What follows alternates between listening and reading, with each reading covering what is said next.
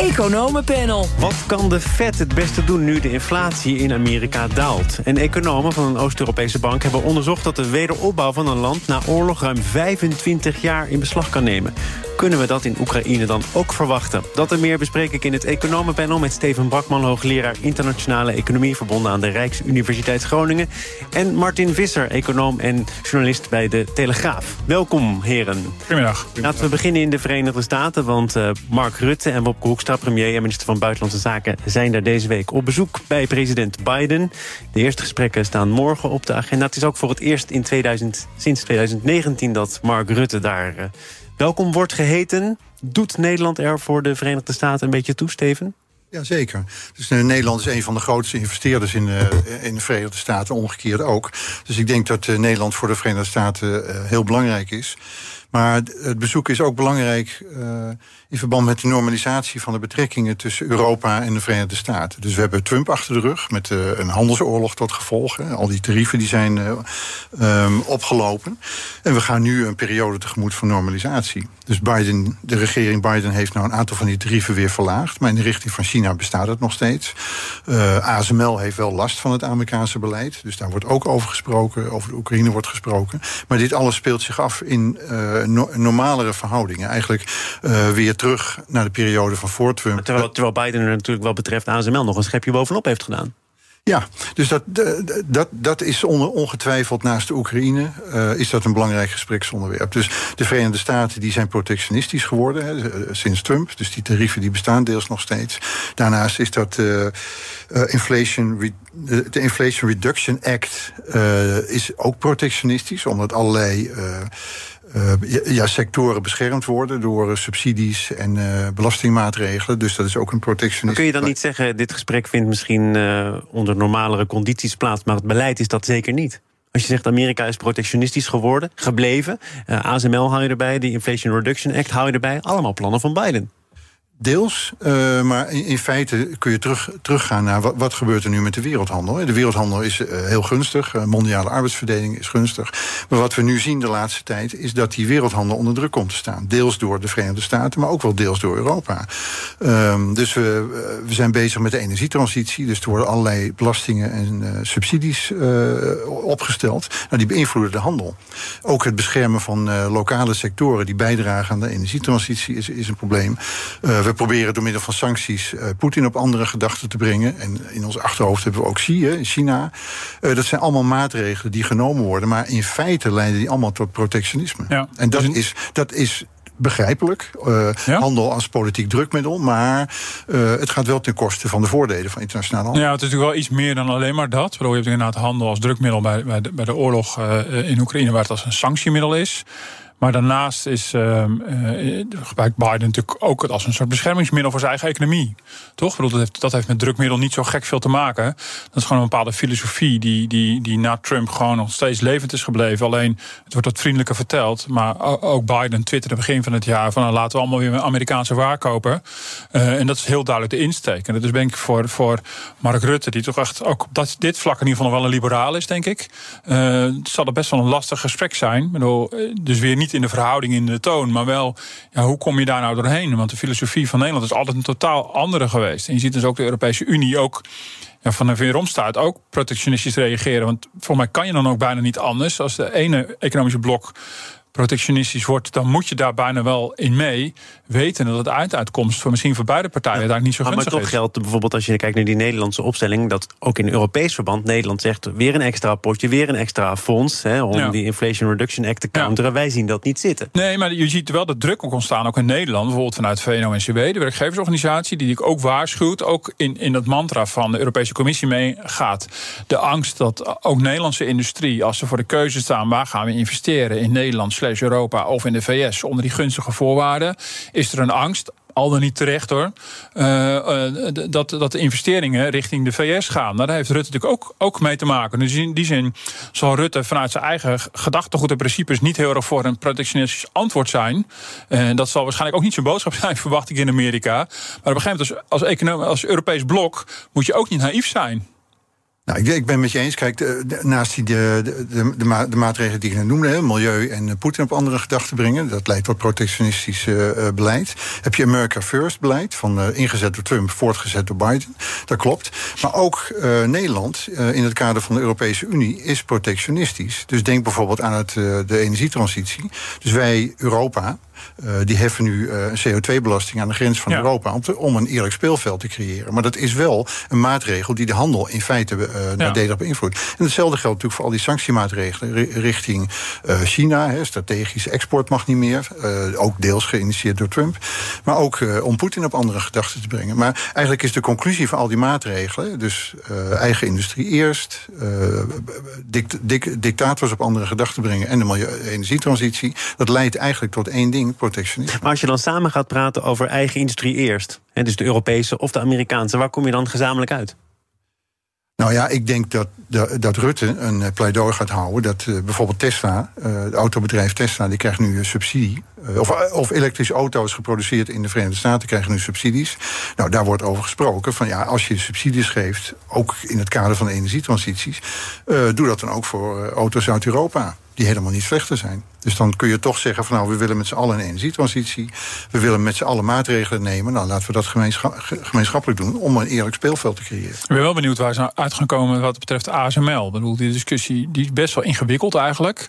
Want misschien is de uitkomst daar weer protectionisme. Maar de inzet is natuurlijk een andere. Het gaat ook om geavanceerde chiptechnologie die, die wij exporteren naar China. Waarbij er mogelijk strategische belangen zijn om dat niet of in veel mindere mate te doen. Maar de nieuwste generatie mag je al niet meer exporteren. Nee, er, zijn al, er zijn al beperkingen. Maar de VS wil nog een paar stappen verder gaan in die beperkingen. Uh, maar goed, voor ASML als bedrijf is het natuurlijk heel relevant. Want daar komt pak een beetje zo'n 15% van hun, van hun inkomsten komt uit China. Dus van een heel belangrijke markt. En zo hebben we natuurlijk China ook steeds gezien als een, als een heel belangrijke markt. Maar ja, die politieke afweging kun je ook niet negeren. Je kan niet zeggen dat staat volkomen los van elkaar. Dus ik vind wel dat ASML er twee verschillende dingen zegt. Namelijk, het is belangrijk. Maar Peter Wenning heeft ook gezegd... Uh, ja, als die vraag niet meer uit China komt, dan komt die wel ergens anders vandaan. Wij hebben op dit moment zoveel vragen dat we niet kunnen ja, bijbenen. Ja, ja, maar ik denk niet dat ze heel blij zullen zijn als ze overnight ineens wordt besloten: het mag niet meer. Bedoel, ongetwijfeld. Ik bedoel, ook zo'n onderneming gaat natuurlijk dan zijn, zijn, zijn, zijn koers verleggen. En dat komt in die zin voor de langere termijn natuurlijk wel weer goed. Maar uh, ja, we hebben natuurlijk vanuit het Westen China natuurlijk hele lange tijd vooral als een,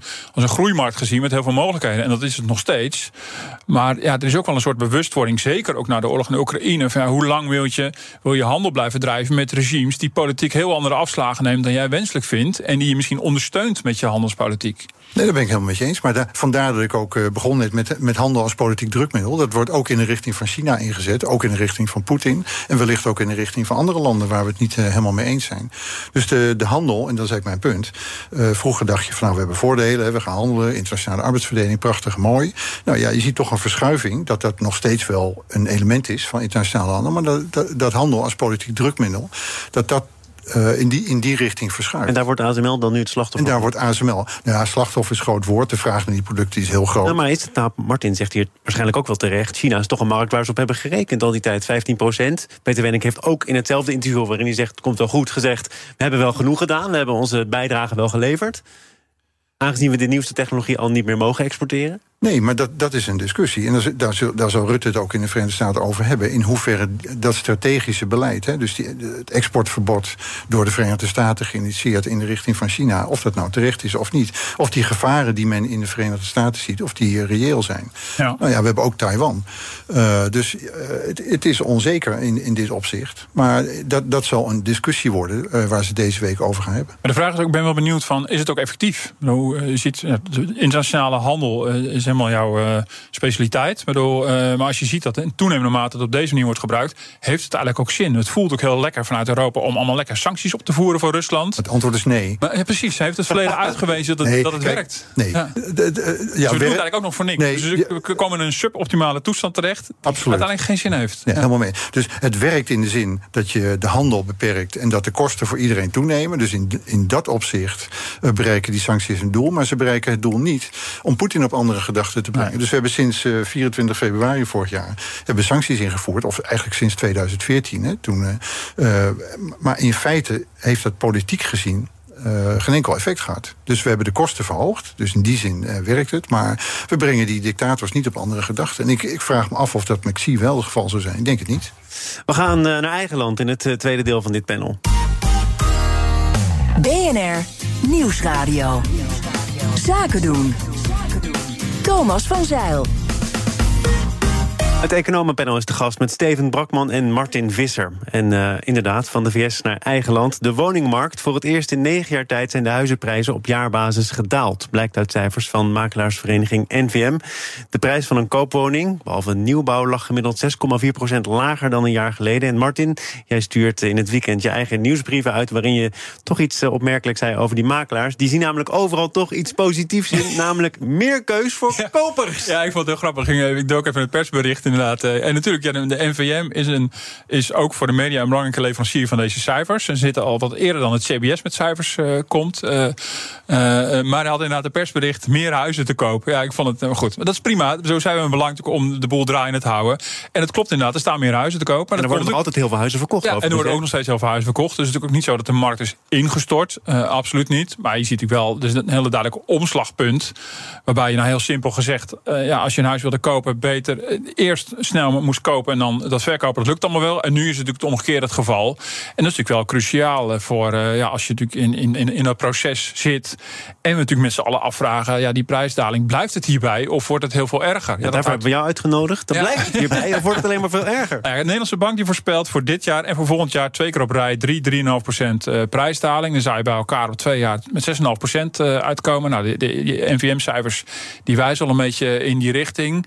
Ja, ik heb toch wel reden om aan te nemen dat, dat het modellen van Nederlandse banken en van de commerciële banken een prijsdaling liever onderschatten dan overschatten. Want ook zij hebben niet heel veel belang bij om dat vuurtje op te poken. Dus het kan een tikje erger worden. Dan nog is de vraag of het heel erg is. Als in tien jaar tijd de huisprijzen met, met 100% zijn gestegen, zijn verdubbeld, dan is het allemaal heel relatief. Behalve dat het natuurlijk wel de onzekerheid voedt. En als restanten de starter uiteindelijk helemaal geen moer helpt. Want die heeft dan een lagere prijs, maar een hoge hypotheekrente.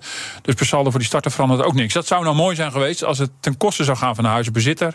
Maar ten dienste zou zijn van de starter, dan haal je nog iets positiefs uit. Maar dat is helaas niet het geval. En is dit nou één op één te verklaren door de stijging van de hypotheekrente, die Martin al aanhaalde, die die starter ook in de weg zit? 4% geloof ik, zo ongeveer inmiddels. Is historisch gezien natuurlijk nog altijd niet hoog te noemen, maar toch? Nee, daar, daar heeft het natuurlijk mee te maken. Die uh, financieringskosten die zijn enorm gestegen. Maar die, uh, ja, het afnemen van de spanning op de huismarkt is ook precies de bedoeling. Kijk, die centrale banken, de ECB en de FED, die hebben de rente verhoogd met, met een doel om de inflatie terug te brengen. Nou, waar uitzicht dat? Het uitzicht onder andere uitzicht waarschijnlijk op heel veel markten, maar ook op de huizenmarkt. En dat is ook precies de bedoeling geweest. Dus ik denk dat de Nederlandse bank hier eigenlijk met uh, genoegen naar kijkt. Klaas Knot heeft het zelf zo gezegd. Hè? Het ja. wordt ook wel tijd dat die woningmarkt wat afkoelt. En nu gebeurt het. Ook. En dan praten we hier toch ook weer over een mogelijke crisis. Ja, Klaas Knot heeft twee redenen. De ene is dat hij de schulden te hoog vond. Dat mensen zich met die lage rente veel te veel in de schulden hebben gestoken. Uh, maar het andere is dat hij ook wel blij is dat de inflatie afneemt. Dus het ECB heeft een beleid. We maken lenen duurder. Uh, dat gaat ten koste van de vraag naar van alles. Overal waar je geld voor wil lenen. En, en rente moet betalen. En de huizenmarkt is een onderdeel van. Dus in feite is dit eigenlijk wat precies de bedoeling is geweest van die centrale banken. Om de vraag in algemene zin af te remmen. En het uitzicht nu op de huizenmarkt. Nou, ik vind in die zin, de analyse begrijp ik, maar ik vind hem bij de huizenmarkt een beetje ingewikkeld. Uh, want de inflatie is een vrij, recent probleem. En de huisprijzenstijging hebben we al tien jaar mee te maken aangejaagd door diezelfde Europese Centrale Bank. Ik bedoel, de, de, de lage, extreem lage rente is echt een aanjager geweest. Dat gaf Klaas Knot onlangs in een interview ook toe. Uh, of ook aan. Ik bedoel, toegeven doet hij van wat langer. Gaf het ook opnieuw aan. Ja, dat, bedoel, en dan, dan blaas je ook heel veel lucht in die huizenmarkt. En dan kan je aan de ene kant het probleem van maken dat mensen hoge schulden aangaan. Maar ja, uh, ik bedoel, je weet ook wat de, wat, de, wat de logica is. Met een lage rente neemt de financieringsmogelijkheden toe. En op een krappe markt, die de woningmarkt in Nederland is, gaan mensen meer en meer bieden. En niet omdat ze het leuk vinden om zichzelf helemaal diep in de schulden te steken, omdat ze anders het huis niet bereikbaar is. Dus het is ook wel een beetje gevolg van ECB-beleid. Dat vind ik wel een beetje moeilijk aan het uh, hele huismarktverhaal. Nee, dat klopt natuurlijk. Maar Klaas Slot is nu juist een van de grote critici van het ECB-beleid. Die wilde, die wilde eigenlijk al veel eerder de rente verhogen. Ja. Dat was ook verstandig geweest. Dus in feite hebben we te lang die rente laag gehouden. Dat, dat had goede redenen. Hè. We kwamen uit de recessie. We willen de economie stimuleren. Maar daar is men te lang mee doorgegaan. Met de gevolgen die Martin net schetst. Uh, maar nu uh, beter het half gekeerd dan ten hele gedwaald, wordt de rente wel verhoogd om die inflatie te doen afnemen. Nou, en we zien daar de eerste tekenen van. Dus de voorspellingen voor volgend jaar zijn inderdaad dat de inflatie in algemene zin daalt. Uh, dat voorspelt het Centraal Planbureau. Nou, die huizenmarkt maakt er onderdeel van. Dus voor sommige mensen is het natuurlijk heel vervelend. Hè? Mensen die net een huis willen verkopen, die, uh, ja, die, voor, voor die mensen is het zuur. Maar, maar die kopen toch ook een goedkoper huis terug? Ja, maar je hebt nou allemaal stukken in de krant dat mensen precies ertussenin zitten. Ja, je hebt een duur huis gekocht, ja, precies. Dus dat, dat is natuurlijk heel zuur. Maar in algemene zin is dit nu precies de bedoeling van het beleid. We willen de vraag afremmen. En aan die huizenmarkt zit natuurlijk veel meer vast. Er zitten uh, meubelmakers aan vast, uh, woninginrichters, van alles en nog wat. Dus ook daar neemt de vraag af. En ik denk gek genoeg dat het, als het niet te erg is, dus dat die centrale banken niet doorschieten, dat dat op zichzelf prima beleid is. En dat is nu de keus. Uh, wat gaan die centrale banken doen? Gaan ze de rente weer met eh, drie kwart procentpunt verhogen of met minder? Nog heel even naar eh, de nieuwbouw. Daar heeft eh, de NVM ook speciale aandacht voor gevraagd. Vandaag ook nog een stuk in de Telegraaf. Ja. Ehm, projectontwikkelaars, mensen die daarbij betrokken zijn, die bouwen niet meer. En mensen die moeten kopen, die durven niet meer te kopen. Want wat je nu koopt voor bedrag X is in de toekomst misschien wel bedrag Y. Terwijl er nog altijd plannen zijn om eh, voor 2030 900.000 woningen te bouwen. Ook betaalbare woningen uiteraard. Uh, komt daar nog iets van terecht? Of is deze onzekerheid toch ook weer een stevige haar in zoek? Nou ja, dat hangt inderdaad vanaf hoe, hoe heftig het is en hoe lang het uh, gaat duren. Kijk, als het inderdaad die, die kleine prijscorrectie is... die nu in, overal in de modellen zit... dan is het denk ik wel weer te overzien. Dan is het even wennen aan het feit dat een soort omslagpunt hebben. Ja, behalve als het lang aanhoudt en erger wordt dan we verwachten. Kijk, tot nu toe, weet je, ik wil ook geen paniek gaan zitten zaaien. Het is goed om er rekening mee te houden dat beide kanten op kan. Er is gewoon extreme onzekerheid. En ook de Nederlandse bank zegt de huizenmarkt is echt heel lastig te voorspellen. Um, ze, ze kijken natuurlijk primair naar de inflatie en daar reageren ze op. En als daar heel veel renteverhogingen voor nodig zijn, zullen ze dat gewoon doen. Met impact op de huizenmarkt. Maar zolang als in Nederland de werkloosheid zo ontzettend laag blijft als die nu is, uh, is dat ook wel een hele belangrijke factor. Want ja, weet voor, voor het betaalbaar blijven van je huis is het gewoon van belang dat je je baan houdt. En, en ja, het ligt niet in de reden dat we hier nou in Nederland massawerkloosheid gaan krijgen. En, dan, dan, dan, en dat gaat meestal hand in hand. Werkloosheid en huizenmarktproblemen. En als je het een in de hand weet te houden, dan zal het andere hopelijk ook wel een beetje rustig blijven. Ja, en op lange termijn is er natuurlijk een tekort op de huizenmarkt. Een fundamenteel tekort. Zeker. Dus, dus denk aan. Die blijft altijd een druk op de prijzen houden. Die blijft een druk op de prijs houden. Denk ook, denk ook aan uh, de coronaperiode. Dat we allemaal geleerd hebben thuis te werken. Nou, dat, dat doet de vraag ontstaan naar een bepaald type huis. Waar mensen misschien niet wonen. We gaan naar onderzoek van economen van de Oost-Europese EBRD-bank. Over uh, wat er gebeurt met een economie tijdens en na een oorlog. Ze hebben 400 conflicten onderzocht in de afgelopen 200 jaar. En hun conclusie: alleen bij stabiele vrede kan er zoiets als wederopbouw plaatsvinden. Steven, is dat een onderwerp naar jouw hart? Ja, ja, het is, het is interessant om uh, daar een analyse op uh, uh, uit te voeren. En ik denk dat ze wel gelijk hebben. Kijk, er zijn een aantal korte termijn, lange, lange termijn effecten. Korte termijn, ik denk dat de wederopbouw, dat zal wel relatief snel gaan. Uh, je moet infrastructuur herstellen, uh, elektriciteitscentrales moet je weer herstellen. Nou, dat, dat gaat geen 25 jaar duren. Maar de andere effecten die zijn uh, langjarig. Dus denk aan het verlies van mensenlevens. Ja, dat, dat heb je niet zomaar, psychologisch natuurlijk al niet, maar ook niet zomaar opgevangen. Dus dat, dat is een lange termijn effect. Ze zeggen er wordt te veel aandacht gevestigd op dit moment op bijvoorbeeld het BBP hoeveel er wordt verdiend, economische groei en te weinig, zoals jij net al vaststelde, op de schade aangericht aan mensen, maar ook machines. Ja, dus het BBP je moet je goed realiseren, een rare maatstaf is. Dus als je een tv produceert, dan maakt dat onderdeel uit van de groei van BBP. Maar als je van de trap laat vallen, dan wordt er niet van afgetrokken. Nou, dat zie je, dat zie je ook uh, met dit soort berekeningen voor de, van, de schade voor, zo'n, uh, voor de Oekraïne. Dus op het moment dat wegen kapot worden geschoten, ja, dat zie je niet terug in BBP. Het herstel daarvan weer wel. Dus er is een enorm verlies aan kapitaalgoederenvoorraad en aan mensenlevens. Ja, dat zijn gigantische kosten. Dat heb je niet zomaar hersteld. Maar de, de korte termijn opbouw, dat lukt wel, maar de lange termijn. Dus denk ook aan investeerders. Ja, wanneer komen investeerders weer terug? Voor lange termijn investeerders. Dat, dat vraag ik me af. Welke les zou je hieruit kunnen trekken als je het hebt over de wederopbouw van Oekraïne? Want daar wordt natuurlijk al serieus over gesproken in Europees verband. Hè. Notabene, bondskanselier Scholz heeft het al gehad over een Marshallplan voor Oekraïne. Het IMF heeft zich geroerd. Uh, hoe zou dat er ongeveer uit Nou kunnen ja, zien? Dat is al. Bedoel, ja, ik moet toch meteen aan, aan Eerste Wereldoorlog, Tweede Wereldoorlog denken. Bedoel, uh, uh, en dat is dan. Uh, kijk, dat cruciale verschil. Bedoel, daar werd dus ook gewoon Duitsland uiteindelijk na de Tweede Wereldoorlog op een totaal andere manier behandeld dan na de Eerste Wereldoorlog. Dat was ook een hele duidelijke Geen case. herstelbetalingen bedoel Precies, maar dat is een hele duidelijke case van, van wat een verschil kan zijn. Ik ben dat we Oekraïne gaan helpen is evident. Maar ik ben vooral benieuwd van hoe gaat onze toekomstige relatie met, met Rusland zijn. Als dat land economisch totaal in puin ligt, maar het is wel voor ons de bad guy, wat evident is. Ik kan me niet voorstellen dat we een Marshallplan voor Rusland gaan doen. Maar toch zou je daar iets, iets mee moeten. En een land wat zo wankel is en economisch zo in puin ligt, maar dat wel een machtsfactor is. Dat, ik heb daar geen oplossing voor. Maar ik vind dat eigenlijk nog een veel grotere vraag naar Oekraïne. Dan maak me in die zin voor de herstel en alle hulp die daar internationaal gaat komen minder zorgen over. Ik denk zeker dat er een Marshallplan komt. Europa gaat Oekraïne helpen met de opbouw, hè, waar, we het net over hadden.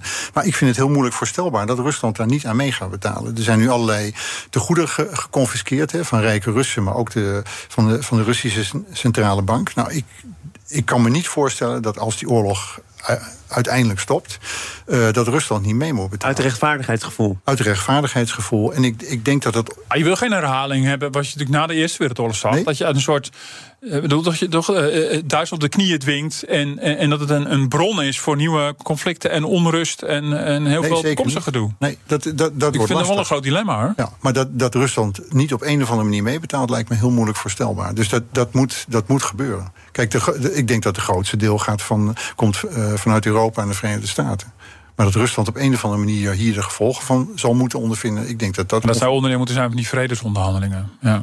Nou, ik word er op voorhand al helemaal cynisch van, van wat daar allemaal besproken moet gaan worden. En dan ben je niet eens in Davos. Dan Heel kort niet nog even. Want uh, daar ben je ook regelmatig nu in de studio ik hier kan in me daar niet met Amsterdam. goed fatsoen niet meer vertonen. ik bedoel, sinds ik weet dat daar een wereldregering is en een complot, daar blijf ik er verre van. En, uh, ja, nee, ik Nou, ben- jij, jij hebt er iets over Ja. mogen zeggen voor Ja. Poont, waarin je zegt dat complot, die elite die samenspant, nou, daar blijkt helemaal niks van. Want Nee. als dat zo zou zijn, waarom, waarom worden we dan zo bestuurd als we worden bestuurd? Ja, nee, ik vind dat, dat vind ik altijd met van dat soort complotten. Denk, ik, was het maar een beetje zo dat de, de, de, de, de, de, zaken in de wereld wat beter werden gecoördineerd. En was het niet zo'n puinhoop. En was het na zo'n crisis niet altijd zo vallen en opstaan.